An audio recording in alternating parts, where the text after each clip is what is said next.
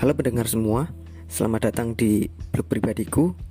Di pos pertama kali ini kita akan masuk ke episode ngomongin penelitian part 1 dan aku sengaja sih pengen bahas tentang tiga hal dasar dalam penelitian yang kadangkala itu dalam tanda kutip terlupakan. Mungkin karena sifatnya yang dasar gitu ya. Kadangkala orang-orang pun jadi lupa tentang tiga hal ini. Sebenarnya sih kalau di buku-buku ataupun referensi-referensi lain tentang penelitian, khususnya penelitian sosial, itu udah dibahas juga. Cuma mungkin ada beberapa yang sifatnya itu masih tersirat. Ada juga sebagian orang itu ketika ngelakuin penelitian itu mereka itu lebih mengedepankan hasil penelitiannya gitu loh, substansi dari penelitiannya itu gitu. Tapi nggak terlalu mikirin tentang tiga hal dasar ini gitu. Oh iya, di post kali ini juga ini berdasar opiniku, berdasar uh, telah aku juga dan juga sama diskusiku sama teman-teman sesama peneliti juga gitu. Dan kesimpulannya menurut kita itu tiga hal dasar ini penting gitu ketika ngelakuin penelitian gitu. Yang pertama ada yang namanya sistematika, yang kedua etika, yang ketiga itu estetika. Sistematika sendiri itu sebuah kerangka.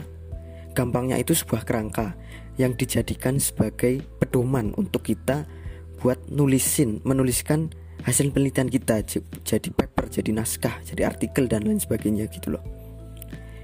Secara umum sih kalau kerangka penelitian itu mulai dari judul, bab 1, bab 2 sampai daftar pustaka dan juga lampiran-lampirannya gitu. Kalau menurutku pribadi, sebagian besar orang pun pasti udah tahu nih tentang sistematika penelitian gitu. Karena kan e, di SMA pun udah diajarin bahkan di SMP pun itu udah disenggol tentang e, sistematika atau kerangka menulis karya tulis ilmiah gitu. Itu itu udah di, dikasih tahu juga gitu.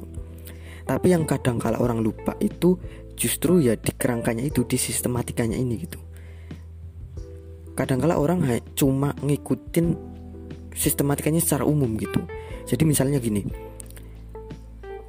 teman-teman di sini punya hasil penelitian, pengen di submit, dikirim ke jurnal, dikirim ke konferensi, jadi tugas kuliah, skripsi, terus jadi dikirim ke apalah gitu, ke event yang lain misalnya. Tapi teman-teman di sini kadang-kala ada yang cuma ngikutin standarnya secara umum gitu loh. Dari bab satu judul bab satu dan lain sebagainya gitu udah langsung kirim kadang masih ad, masih ada aja orang yang gitu gitu loh. Dan menurutku itu salah gitu.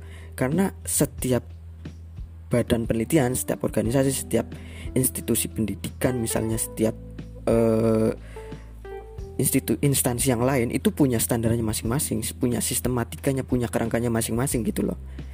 Jadi uh, misalnya nih mau disubmit hasil penelitian kita mau disubmit ke jurnal yang terindeks Scopus misalnya itu kita benar-benar harus ngikutin standar mereka gitu loh.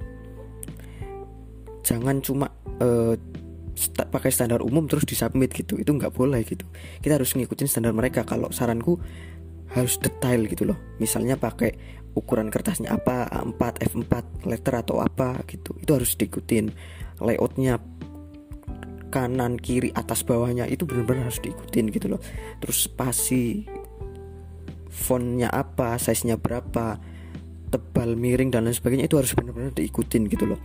Karena kalau di jurnal Scopus itu sendiri dari pihak editorial pun kalau naskah kita banyak yang salah dari sistematikanya aja itu mereka nggak mau benerin gitu loh.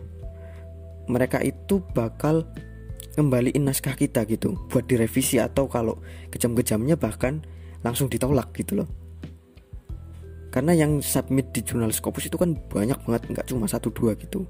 Mungkin kalau kesalahannya masih kecil-kecil e, mereka mungkin bisa benerin ya mau benerin gitu. Tapi kalau udah besar kayak gini mungkin langsung dikembaliin gitu. Sepengalamanku sih gitu. Terus juga yang namanya sistematika itu ya harus sistematis gitu dari awal sampai akhir gitu. Nggak bisa dibolak-balik gitu loh. Karena itu udah udah semacam kayak alur berpikir gitu loh. Kalau sistematikanya aja udah buyar gitu kalau menurutku sendiri ya berarti uh, alur berpikir dari penelitian itu ya udah buyar gitu jadi validitasnya reliabilitasnya itu bakal dipertanyakan gitu loh dan pertanyaan apa, mengapa dan bagaimana penelitian itu dilakukan, yaitu mungkin susah terjawab dari penelitian itu. Itu itu dari sistematikanya aja gitu. Terus yang kedua, yang namanya etika. Etika itu gampangnya itu moral, alat atau ketentuan untuk ngelihat baik buruk, benar salah ketika kita ngelakuin penelitian gitu loh.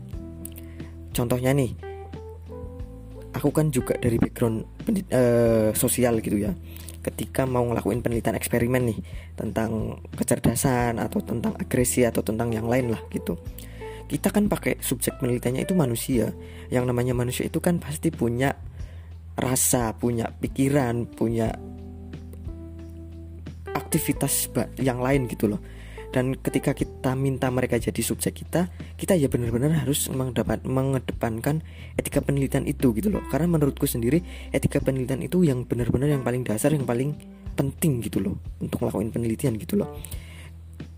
Nggak cuma uh, pengen hasil penelitiannya aja yang bagus tapi etikanya itu harus dipakai gitu loh.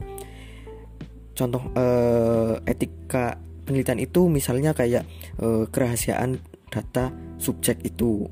Terus uh, subjek itu bakal dapat apa sih di eksperimen itu? Terus setelah eksperimen mereka itu kayak gimana gitu? Efek sampingnya apa gitu? Itu harus benar-benar dipertimbangkan gitu. Terus juga uh, apa ya namanya kalau mereka nggak mau jadi jadiin subjek ya udah berarti mereka nggak bisa gitu itu hak mereka dan ketika mereka udah mau jadi subjek penelitian kita mereka itu juga punya hak untuk uh, batal di awal penelitian, di tengah penelitian atau bahkan di akhir penelitian. Itu hak mereka dan kita juga harus siap-siap uh, buat itu gitu. Kemungkinan itu pasti ada gitu. Dan etika itu memang penting banget di penelitian gitu loh. Jangan sampai nanti pas penelitian pas penelitian kita udah publish, udah dibaca banyak orang, ternyata di kemudian hari itu ada masalah gitu loh. Kayak beberapa berita-berita kan juga pernah member, uh, uh, ngabarin tentang itu gitu ada penelitian-penelitian yang akhirnya disorot karena uh, dipertanyakan etika penelitiannya gitu loh makanya di institusi pendidikan tinggi misalnya atau di badan-badan lain itu perlu ada yang namanya badan etik gitu atau komisi etik penelitian gitu loh yang tugasnya di situ buat memfilter gitu. Penelitian-penelitian yang akan dilakuin itu sebenarnya ngelanggar hak asasi manusia apa enggak sih?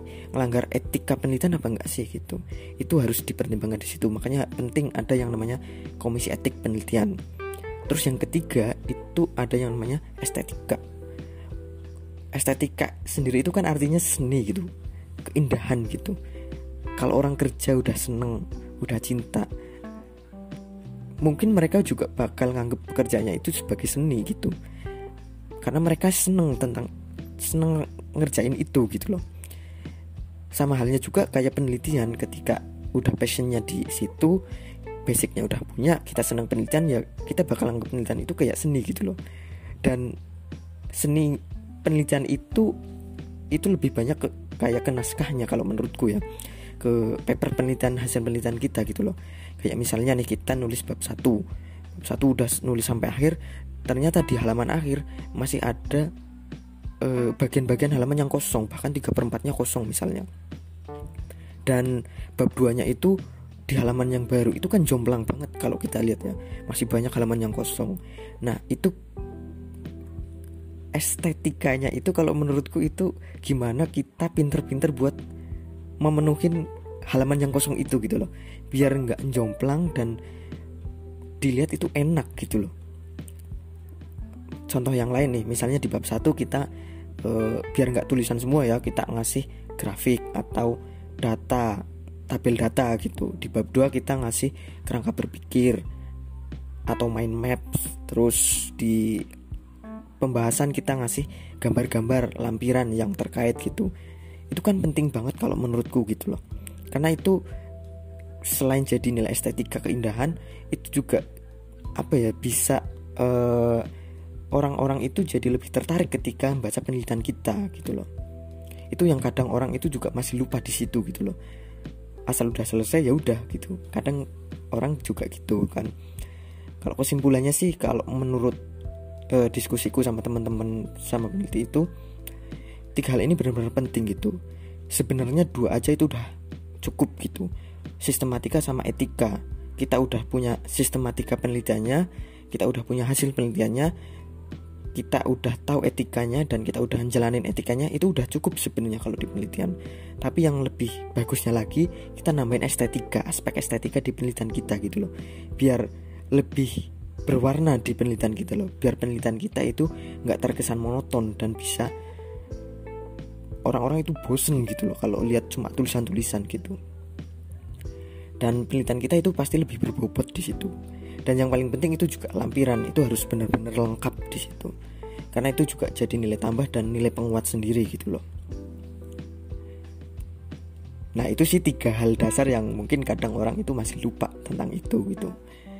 Nah kalau teman-teman di sini ada yang punya pendapat lain punya komentar gitu eh, jangan lupa komen-komen di bawah ya gitu. Aku tunggu komennya. Makasih